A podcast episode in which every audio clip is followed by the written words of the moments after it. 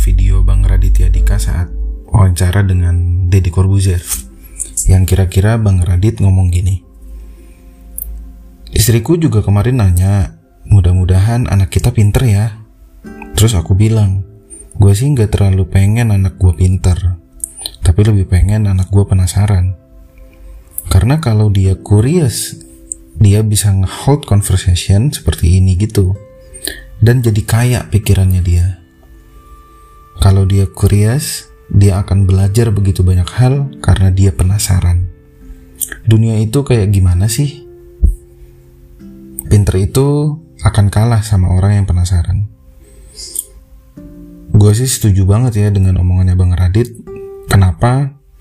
Karena pemikiran, gagasan, ide itu kan diawali dengan penasaran yang akan menimbulkan pertanyaan-pertanyaan. Kalau kita nggak penasaran, kalau kita enggak bertanya-tanya dan menerima aja apa yang sudah terjadi, ya nggak akan lahir ilmu.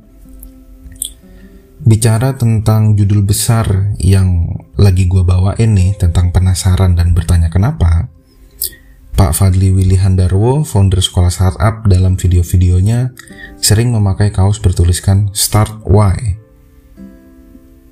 tagar akar masalah. Lalu, kalau kita flashback ke belakang, ada metode terkenal yang sudah ada sejak 1930 yang dikemukakan oleh Sakichi Toyoda, yaitu metode Five Whys atau Why-Why Analysis, yang sering digunakan oleh banyak profesional untuk menemukan akar masalah atau root cause. Dengan terus menjaga rasa penasaran dan terus bertanya kenapa, saya rasa kita juga akan sangat cepat menemukan masalah utama yang dihadapi dan memecahkan kasus-kasus sederhana tanpa menggunakan sumber daya yang berlebihan. Juga kita akan terbentuk menjadi pribadi yang mudah belajar dan mudah menerapkan sesuatu. Dengan terus penasaran dan bertanya kenapa, akhirnya ditemukan banyak masalah namun langsung diikuti dengan solusi-solusi terhadap permasalahan tersebut. Itulah yang masih menurut saya ya, dilakukan oleh para pendiri perusahaan dan perusahaan rintisan di zaman ini. Dalam dunia kerja, terutama bagi kita yang bersentuhan langsung dengan pelanggan, selalu bertanya, kenapa sih orang-orang butuh produk atau layanan dari perusahaan gue? Itu sangat baik sih menurut saya.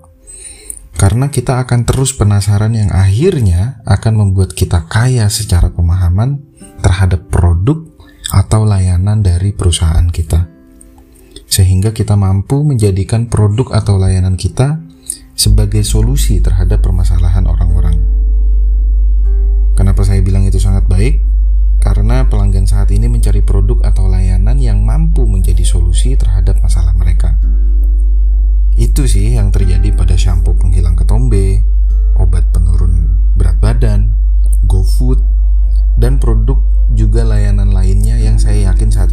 terbayang ya dalam benak kita semua.